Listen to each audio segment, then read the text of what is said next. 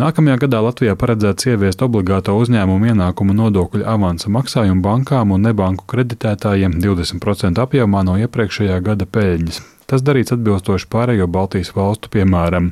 Tāpat Finanšu ministrija piedāvā celt akcijas nodokļa likmi piemēram tabakai un alkoholam, kā arī palielināt azartspēļu nodokli.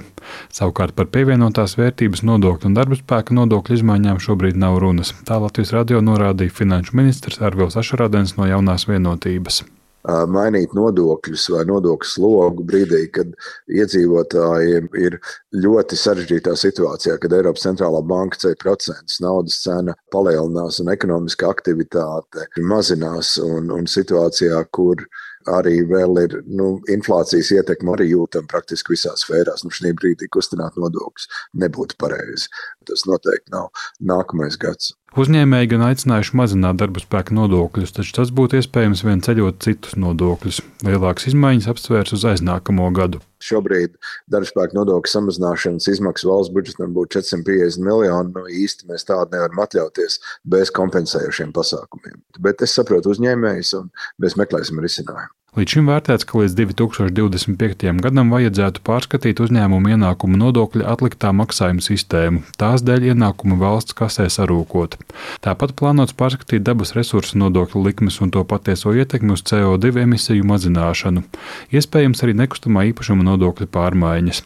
Vienlaikus Ašrādens runā arī par nodokļu administrēšanas vienkāršošanu, kā piemēram viņš min, ka iedzīvotāju ienākumu nodokļu atvieglojums pašlaik aprēķina gan grāmatveži, gan arī valsts ieņēmuma dienests caur ko atmaksā dažādas atvieglojumus.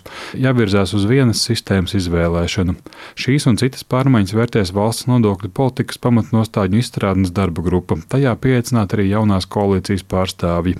Zaļo zemnieku savienības saimas frakcijas vadītājs Harijs Rokapelns gan pagaidām atturējās minēt konkrētus priekšlikumus mums idejas nav tālu jāmeklē, tās mums noteikti ir, bet uh, nu, tam tomēr jābūt ir sabalansētam komandas darbam un uh, tad arī uh, pēc konsultācijām ar partneriem varēsim teikt kaut ko plašāku. Pieeja nesasteikt nodokļu izmaiņas atbalsta arī Latvijas Tirzniecības un Rūpniecības kameras prezidents Aigars Rostovskis.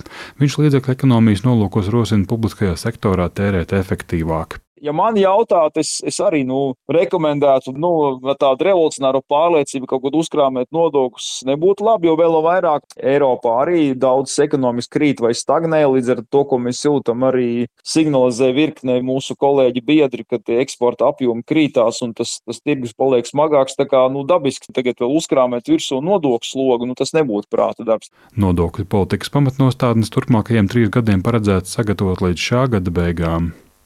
Jānis Kincis, Latvijas Radio.